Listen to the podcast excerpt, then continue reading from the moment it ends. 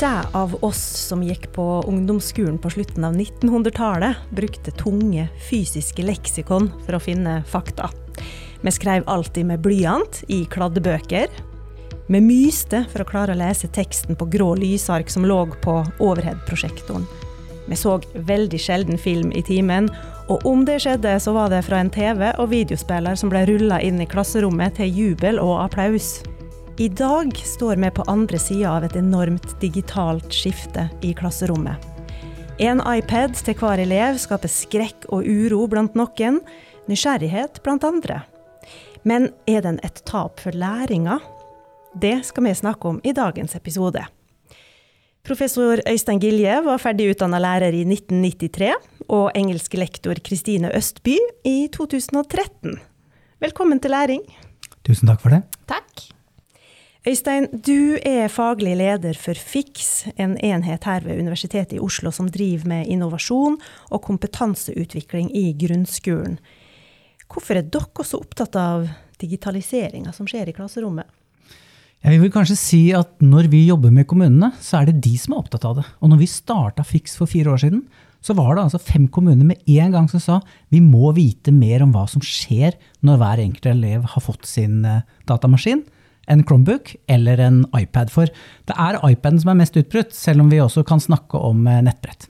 I hvert fall, de ga oss nøkkelen til 20 klasserom med 20 ulike lærere på 10 ulike ungdomsskoler. Og da observerte vi i godt over 3000 minutter for å se hvordan denne undervisningen faktisk ser ut i klasserom, hvor alle elevene hadde jobba med én-til-én en god stund. Og det som var interessant der, når vi intervjua disse lærerne og over 100 elever, det var jo at vi fikk fram en masse ting som vi egentlig ikke hadde sett, i hvert fall i norsk forskning før. Så vi oppdaget gjennom disse forespørslene fra kommunene en rekke ting som vi tror er interessant å bringe inn. Og så så vi at når vi kikka på annen norsk forskning, så var det nesten ingenting fra det vi kaller én-til-én-klasserommet, altså der hvor hver enkelt elev har sin PC, iPad eller Chromebook. Ja, og en av det som har vært i akkurat det her klasserommet i mange år, det er du, Kristine. Du eh, har mastergrad i engelsk og er lektor ved Gjettum ungdomsskole i Bærum. I den kommunen så har du òg vært digital veileder siden skoleåret 2016 til 2017, faktisk. Da flere ungdomsskoler hadde blitt såkalte iPad-skoler. Ja, hvor fort og massivt har digitaliseringa skjedd på din skole og i din kommune? Det har jo gått altså både, både fort og sakte. Eh, selve utrullingen av iPader gikk jo veldig kontrollert, og de tok noen skoler av gangen, og de lærte opp de skolene godt. Og så tok de lærere fra de skolene som de hadde eh, lært opp, eh, og sendte de videre til å lære opp andre skoler. Så akkurat det gikk veldig kontrollert for seg. Og så er jo det som da skjer i klasserommene, når alle lærere og alle elever skal få hver sin iPad, det har jo vært litt prøving og litt feiling og litt kaos, men også fra første stund eh, veldig flott, vil jeg si. Altså det læringstrykket vi opplevde i klasserommet fra nesten dag én, var så mye høyere enn det vi fikk til før de iPadene kom. Fordi det var så mange tidstyver som plutselig bare var borte. Det var ikke noe kvarter som gikk bort til å hente datamaskin, det var ikke noe kvarter som gikk bort til å levere datamaskin, det var ikke noe ladere som skulle hentes, det var ikke noen skjøteledninger. Det var bare Man var på med en gang, og så starta man. Mm. Og fortell litt hvordan det ser ut da, i de ulike fagene. Hva gjør det for Hvilke nye muligheter har du til undervisning i, i ulike fag? Vi bruker jo um, lyd og kamera uh, veldig mye. For det var en mulighet man ikke hadde før. Eh, så f.eks. I, eh, i engelskfaget så bruker vi det jo veldig mye til å øve på hvordan vi snakker. Altså Mange elevers store skrekk er jo å bli bedt om å lese høyt, f.eks. Eller ha en presentasjon for, eh, for, hele klassen på engelsk. Og det gjør veldig ofte at det, du ser som et resultat, det er ikke det eleven kan. Eleven er helt paralysert av skrekk. Og nå kan du be eleven om å lage en video f.eks. Stå hjemme og presentere av hjertens lyst, og det du får inn, er helt annerledes. Og det er så gøy å se. Eh, vi har også hatt eh, uteskole, hvor de har eh, gått og lata som at de er David Attenborough, hvis vi har hatt fokus på sånn kjempe-Porsche-engelske dialekter. Eh, bare for å ha et fokus. Så filmer de blomster og later som de er kjempeprivilegerte overklasse-engelskmenn. Eh, og det er så morsomt, og du kunne ikke gjøre det før. Så det er, eh, ja, det er veldig mye man holder på med nå som man ikke kunne før. Det høres jo, dette høres jo både kreativt og artig ut. Um, Men jeg vil tro at dere har hatt eh, noen eh, krevende episoder. Eller hva er krevende med denne revolusjonen, da, som det, som det egentlig er? Det som er krevende, handler eh, Noe av det handler om rent fysiske ting. Mange elever bruker mye tid på skjerm når det tas inn i skolen. Eh, Så sånne ting som hodepine, slitne øyne, eh, vondt i nakke og skuldre, det er jo ting man ikke hadde så mye av før. Eh, ellers så er det jo også det at eh, sånn rent praktisk så har de eh, et dekkskill på iPaden som skal bidra til en bedre stilling eh, for skuldre og nakke når du sitter og ser ned på den, men de ryker ofte. Så den ligger ofte flatt på pulten. Eh, og da har de ikke noe veldig god arbeidsstilling. Og når de skriver, så liker de best å skrive med tastatur. Og vi har en del eksterne tastaturer eh, som vi pleier å ha til det hvis vi skal ha en skriveøkt, f.eks. Eh, men det er ikke alltid vi har det i timer hvor de skal ta notater, og da kan det gå litt trått. Eh, og så kan det være da kladdebok? ja, de har det. Okay. Og hvis de har lyst til å bruke det, så bruker de det. Vi er ikke noe strenge på det. Eh, og så den type valgfrihet har de. Det legger vi ikke føringer på. Og så er det de som eh, på en måte Du ber eleven om å ta opp iPaden, starte et nytt dokument, eh, gi den det og det navnet. Eh, og det steget der, gi den det og det navnet, det er det mange elever som eh, hopper over. Eh, Så da har du plutselig 50 dokumenter da, som heter Tom 1, 2, 3, 4, 5, 6, 7, 8 9. Sånn, du aner ikke hva som står i de forskjellige dokumentene dine. Nettopp. Så du må gjerne ta deg en runde da, og sjekke at de har gitt dokumentene sine navn. Ja, det skal òg læres, rett og Det skal også læres, og det er kanskje en detalj man ikke tenker på. Eh, og noen ganger så glipper det, da. Så sitter du der og har veldig mange dokumenter du ikke vet hva er, og så må du bruke litt tid på å lete fram. Altså, det har skjedd eh, mye siden 90-tallet, da jeg og du eh, gikk på ungdomsskolen, Øystein.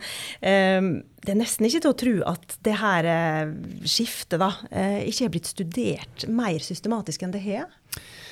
Ja, Det har nok blitt studert på ganske mange forskjellige måter, men i mindre grad er det noen som har prøvd å liksom kartlegge feltet og hvordan vi kan dele det inn. Og det vi ofte gjør eh, som forskere, det er jo at vi prøver å søke opp studier som omhandler mer eller mindre det samme, og så lager vi en sånn review-studie, heter det, sant? som ser på hva har disse la oss si, 40 artiklene sagt om dette. Og eh, når vi nå skal se på digitaliseringen av grunnopplæring, som er et eh, oppdragsprosjekt fra Utdanningsdirektoratet, så har vi nettopp sett på hva mener elever om er fordeler og ulemper ved bruk av nettopp iPad over hele verden. Og da har vi funnet over 40 studier som sier noe om det. Og der er det ganske artig å høre på Kristine her, sant? når du trekker fram liksom de negative konsekvensene. Nemlig at man kan få litt vondt i hodet. Det er en liten skjerm. Den egner seg kanskje ikke så godt til skriving. Men på den andre siden, det er veldig varierte måter å vise kompetansen din på. Du kan spille inn lyd, du kan gjøre filmopptak, du kan lage presentasjoner på en helt annen måte kanskje enn med en litt eldre, i hvert fall bærbar PC, eh, hvor dette med integrasjonen av kamera og sånne ting ikke er så tydelig. Så på mange måter nå så, så ser vi for oss at vi kan klare i hvert fall å forklare relativt enkelt hva læring er i skolen med digital teknologi, og hvilke ulike perspektiver vi bør ha på det for å kunne føre en god samtale om det. For jeg opplever nok mange ganger at det der å si noe om hva teknologien skal bidra med, da er kravet alltid at liksom skal, du skal kunne måle det med 0,2 bedre på x antall prøver. Men for elevene så dreier det seg om noe helt annet. For skole er mye mer enn akkurat den endelige tallkarakteren. Og det vil jeg tro Kristine er helt enig i. Det er jeg veldig enig i. Ja, fordi det du snakker om nå, eh, Øystein, er handlingsplanen for å digitalisere grunnopplæringa som regjeringa Solberg kom med i fjor. Og du er da eh, med på denne kunnskapsoppsummeringa på feltet. Fortell litt mer om det arbeidet. Hvor, hvor, hvor langt til dere kommer, hvor lenge skal det vare? Hva, hva skjer egentlig, og hva er din rolle? Ja, det er et ganske halsbrekkende prosjekt. fordi det er jo forskere ved Kunnskapssenter for utdanning i Stavanger, Universitetet i Stavanger som leder det. Og så er Ola Erstad ved Institutt for pedagogikk, eh, utdanningsvitenskapelig fakultet, med. Og så er jeg med her fra Oslo. Og så er det et par forskere med fra Høgskolen i Volda.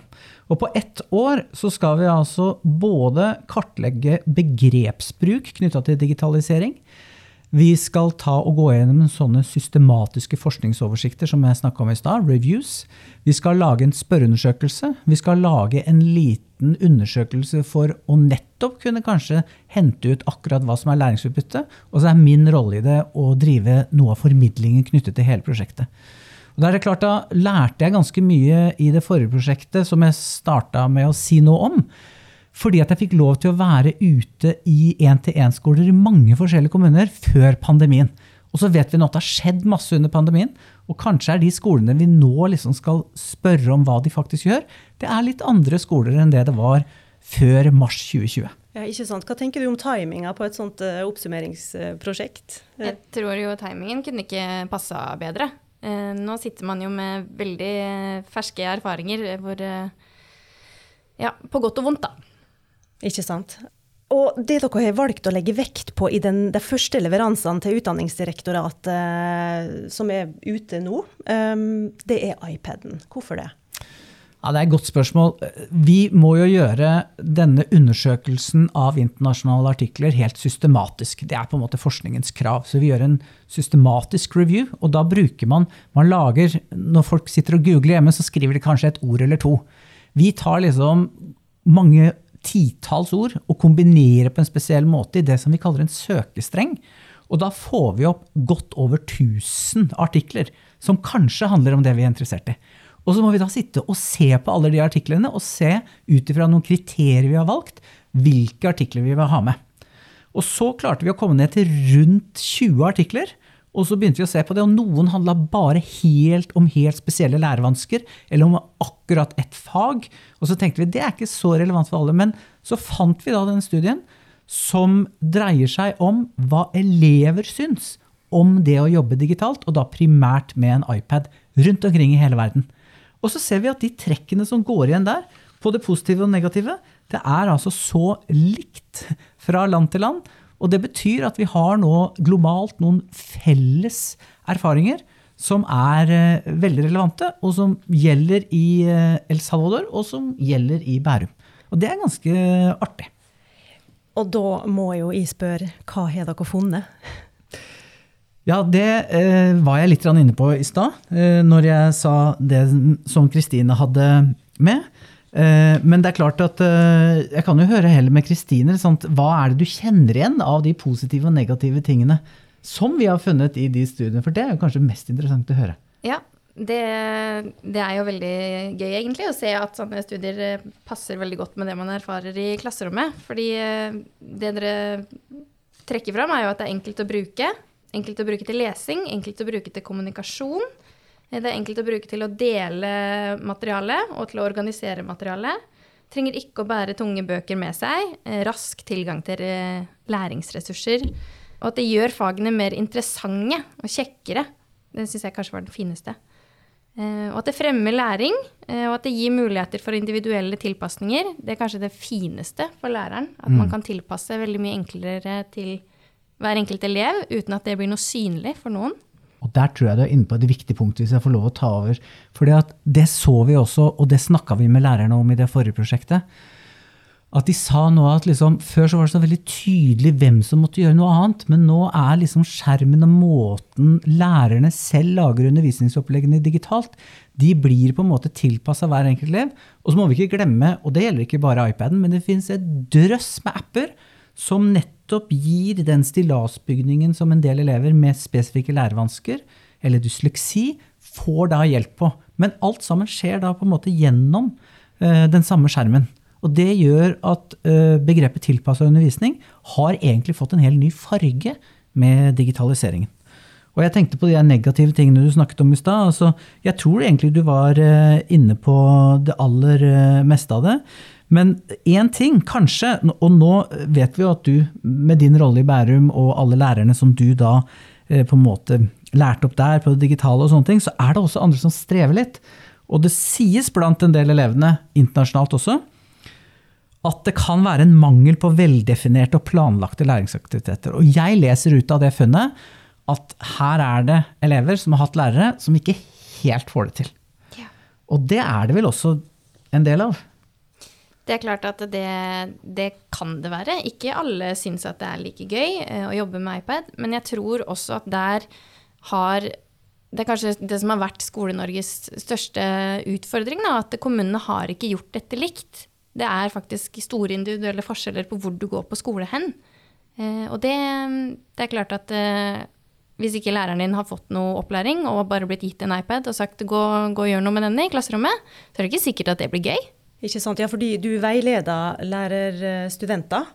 Um, ja, nei, jeg veileder andre lærere. Lærere, mm. ja, nettopp. Og hvordan er Ja, fortell litt mer om det. Hvor uh, ulik kompetanse lærere har nettopp i digitale hjelpemiddel. Altså I utgangspunktet så var vi jo uh, på bar bakke, annet enn en basic uh, ting du gjør på en PC. Altså skrive Excel, den slags. Men vi som var med i det pilotprosjektet som Bærum kommune starta, vi fikk opplæring utenfra. Eh, og så brukte de da oss til å lære opp andre skoler. Og da hadde vi jo fått innføring i eh, ganske mange sånne forhåndsgodkjente apper som er gode å drive undervisning med. Så det var jo ganske inspirerende, det vi fikk lov til å gjøre. Du kunne vise hvordan du gjør det. Eh, og så sitter man og trykker og prøver seg fram og får det til. Og så kunne man vise noen ferdige elevprodukter. Eh, og diskutere hva man, hva man, kan bruke det til, og hvilke muligheter det får. og Det var veldig fine prosesser. Mm. Dere satt rett og slett og lagde læringsopplegg. Ja, mm. det gjorde vi. Og hvem var det som underviste dere? I første omgang så var det et firma som heter Athea. Nettopp. Mm. Ja, hvordan ser det her ut rundt omkring i Norge da, Øystein? Bærum ligger jo framme, som jeg hører. Er sikkert en av de aller første kommunene som er heldigital. Men ellers i landet, da? Jeg tror det er to ting vi må si om det. Det første er selvfølgelig at det er mange kommuner rundt omkring som har vært på besøk hos Bærum. Og Kongsberg kommune var også veldig tidlig ute med iPad. Så er det andre kommuner, sånn som Asker, som har valgt Chromebook for alle. Og nå, for første gang rett før jul, så fikk vi altså den oversikten du spør om. Hvordan ser det ut rundt omkring i landet? Jo, det er noe som heter Grunnskolens informasjonssystem, GSI. Og der la man altså for første gang siden 2012 inn et spørsmål om hva slags type teknologi man hadde på hvert enkelt trinn fra første til tiende klasse. Den informasjonen har vi rett og slett ikke hatt eh, på åtte år. Og det er egentlig faktisk helt sammenfallende med de åtte årene man har digitalisert. Så hvordan er det store bildet i Norge? Vel, vi bruker mest iPad på de første trinnene, 1-4. Så er det litt mer blanding på 5.-7. trinn med Chromebook, PC eller iPad. Og så er det da uh, mer PC og noe Chromebook på 8. til 10. trinn. Men det fins altså kommuner som kjører iPad på alle trinn 1-10. Det fins kommuner som kjører Chromebook på alle trinn 1-10, Og det fins kommuner som kjører PC på alle år. Og så kan du i tillegg til det så kan du på en måte velge operativsystem, så du kan kjøre Google sitt operativsystem, som heter Google Workspace, oppå en iPad. Eller du kan kjøre Microsoft oppå en iPad. Men vanligvis så er det liksom da Apple sitt system og en app som heter Showbie, som brukes for å liksom holde orden på alle disse ulike dokumentene. Da, som, fordi at Apple og iPaden velger Tom, da. Det kan jo høres ut som et navn, men det er jo altså et tomt dokument. Og de blir jo veldig høye tall på etter hvert hvis eleven ikke holder orden på det. Så nå vet vi faktisk litt hva de har valgt av teknologi, men vi vet nok ikke så veldig mye om hvordan den blir brukt. Nettopp. Og det er vel blant det dere studerer nå, mm. Øystein. Men enn så lenge, da, altså lærere som skal ta valg nå framover, hvor, hvor, kan de gå for å liksom orientere seg, finne ut av Dette her blir jo veldig teknisk, da. Det er utrolig store valgmuligheter. Jeg kan svare først på det, Kristine, ja. og så kan du tenke litt. Jeg eh, tror det er slik at kommunen i de aller, aller fleste kommuner i Norge har tatt valget. Så de bestemmer om det skal være iPad eller en annen type nettbrett, en Chromebook eller en PC. Så kommer vi egentlig til det veldig mange er opptatt av om dagen. Hvem skal bestemme hva den iPaden skal fylles med? Og så sa Kristin noe viktig her i stad, nemlig forhåndsgodkjente apper. For er du lærer, så kan du ikke bare velge en app du syns er morsom. Laste ned gratisversjonen for en, be elevene registrere seg og si at vi skal bruke den. Fordi at du har ikke gått gjennom personvern og datasikkerhet knytta til den appen. Så det må også skoleeier velge. Men de kan gjøre det i dialog da, med lærerne. Så kommer du til alle de tingene du kan finne på nett, og da har lærerne et mye større handlingsrom, tenker jeg. Og der gjelder det egentlig bare å bruke litt sunt vett, og ikke minst litt digital dømmekraft, når du skal tenke hvilke kilder elevene skal komme inn på. Ja. For det, det, finnes, det, det finnes jo ikke en eh, nasjonal standardordning for eh, pedagogiske digitale eh, læringsressurser, gjør det det for, foreløpig? Nei, det gjør ikke ikke det. Hvordan navigere, Kristine? Det er, det er et kjempegodt spørsmål. For det første så bruker vi ganske mye tid på å lære opp elevene i det å navigere, fordi den tilgangen de har på informasjon er jo kjempestor, og det kan bli altfor voldsomt. Så vi bruker mye tid på å snakke om og lære bort hva som er gode kilder, og hvis vi skal sende de ut på leting etter informasjon, eh, så har vi ofte allerede gjort en screening av det som finnes der ute. Så vi gir de kanskje fem kilder da, som de kan gå inn og se på, og så velger de ut det de syns er best, istedenfor at de skal forholde seg til de 50 som kanskje dukker opp. For det er for mye, og det tar litt for mye tid. Så det krever litt av deg som lærer, at du kartlegger hva som er der ute, og, og screener litt. Og så krever det at vi bruker tid på, på kildekritikk, som egentlig er ganske morsomt eh, arbeid, eh, som vi ikke drev så mye med før. Det gjør vi nå. Mm. Har du et eksempel? Ja, det har jeg. Eh, Vi har Spesielt i religion eh, så kan du komme over ganske mange interessante kilder hvis du slipper, over elever, eller slipper ut elever på fri søk. Og så be ber de ofte om å gjøre det. Finn det rareste du, du på en måte ser. Eh, Og så går vi gjennom det sammen. Så da tar vi det opp på tavla, og så ser vi på ok, hva heter denne kilden. Og da kan det jo være noe sånn kjempeekstremt sånn vi som eh, hater eh, alle ikke sant, et eller annet helt forferdelig. Og så stiller man jo bare sånne helt banale spørsmål sånn Tror du dette er en god kilde? Nei. Hvorfor ikke det? Nei, det er rart å ha hater i, i toppteksten. Ja, det er det. Eh, finner du noe avsender her?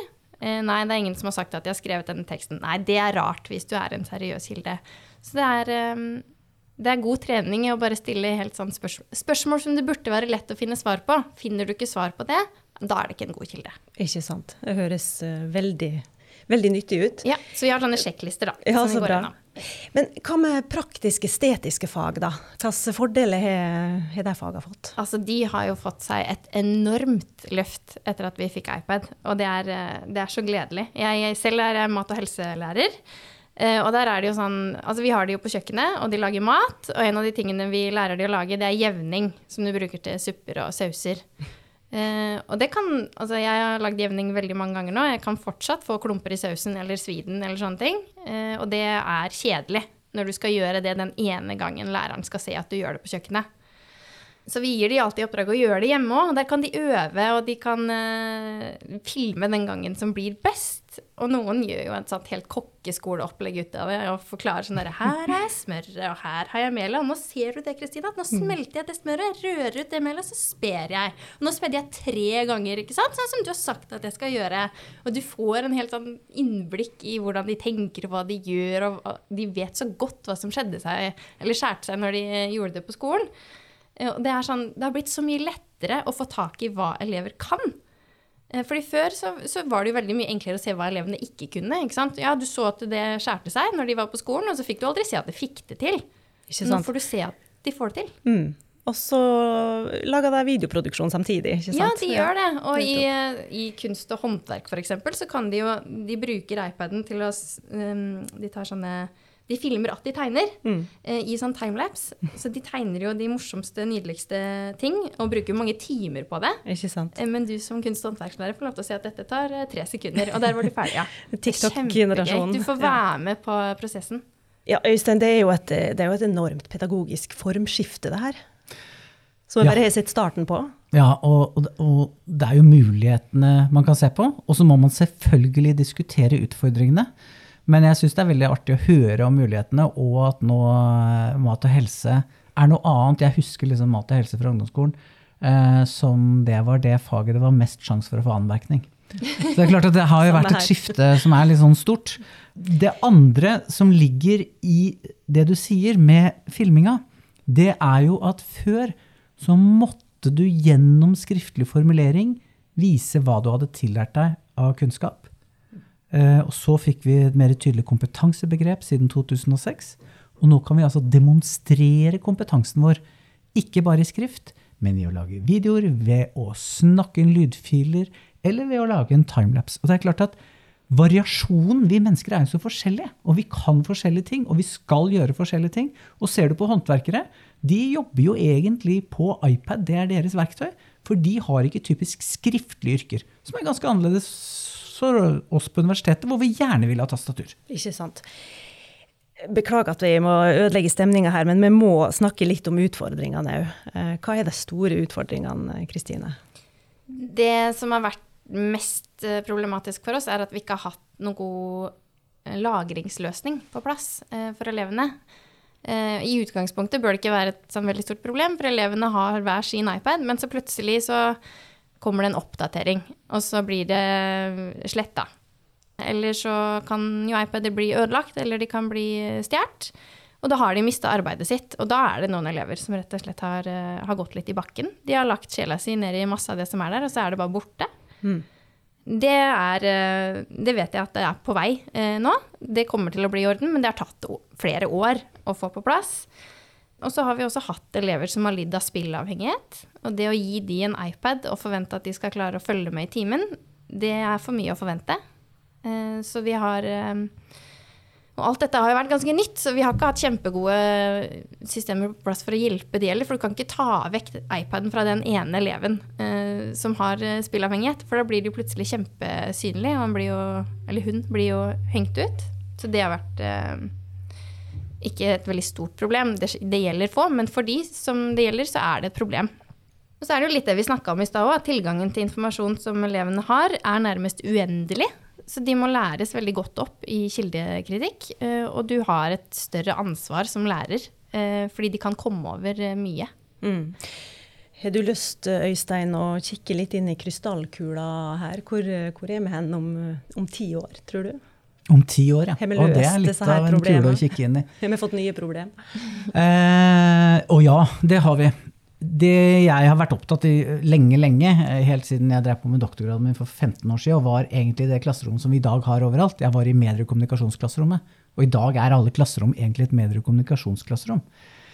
Men jeg tror nok at skillet mellom hva vi mennesker gjør, og hva maskinen gjør for oss, det kommer til å lage store utfordringer, men også muligheter for oss som skal lære, men også for lærere og elever.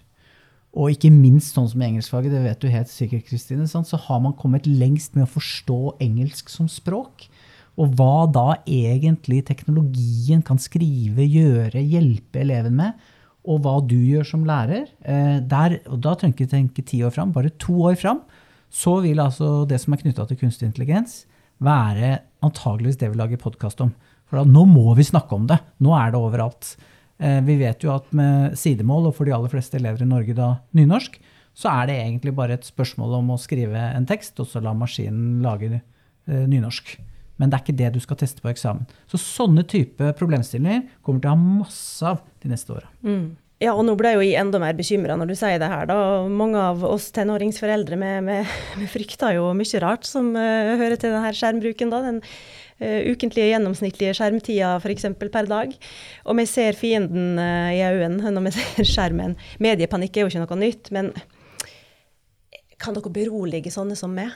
Altså, jeg tenker jo at alle det er ikke rart at foreldre tenker det, men verden blir jo digitalisert. Eh, og man kan jo på en måte ikke, man kan ikke forvente at skolen ikke skal være med på det.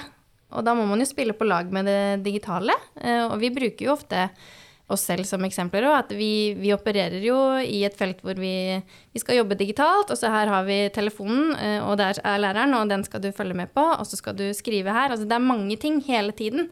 Og man må lære seg å lage strategier for å håndtere alle disse tingene i hverdagen.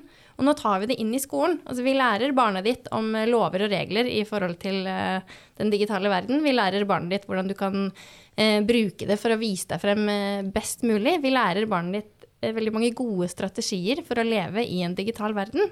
Så selv om det blir mye skjermtid, eh, så er det en veldig viktig jobb som gjøres på den skjermen i skolen.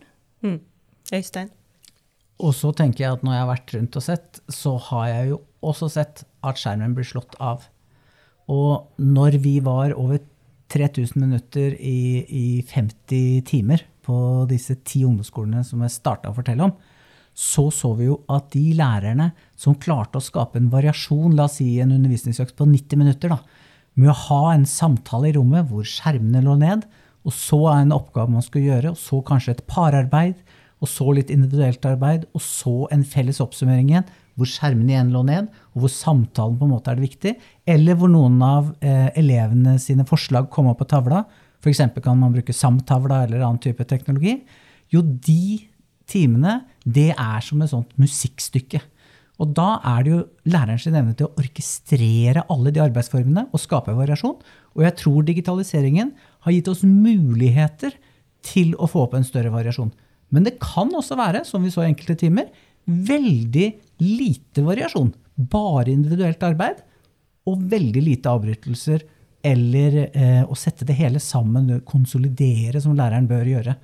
Sånn at vi forventa jo kanskje at nå var veldig mange timer like når vi skulle se på de timene, men vi så et spekter av ulike timer, og vi tror nok at de som skapte god variasjon, og det viser jo også forskning fra før, de lagde timer hvor det digitale virkelig ble brukt på riktig måte. Og det blir også brukt på riktig måte når skjermen er nede. Mm. Ja, da får jeg bare fortsette å prøve å ta orkesterlederrolla på heimebane. Eh, tusen takk for praten, professor Øystein Gilje og engelsklektor Kristine Østby. Du har hørt en episode av Det utdanningsvitenskapelige fakultets podkast Læring, som ble researcha av Kjersti Havenstrøm og produsert av Shane Colvin.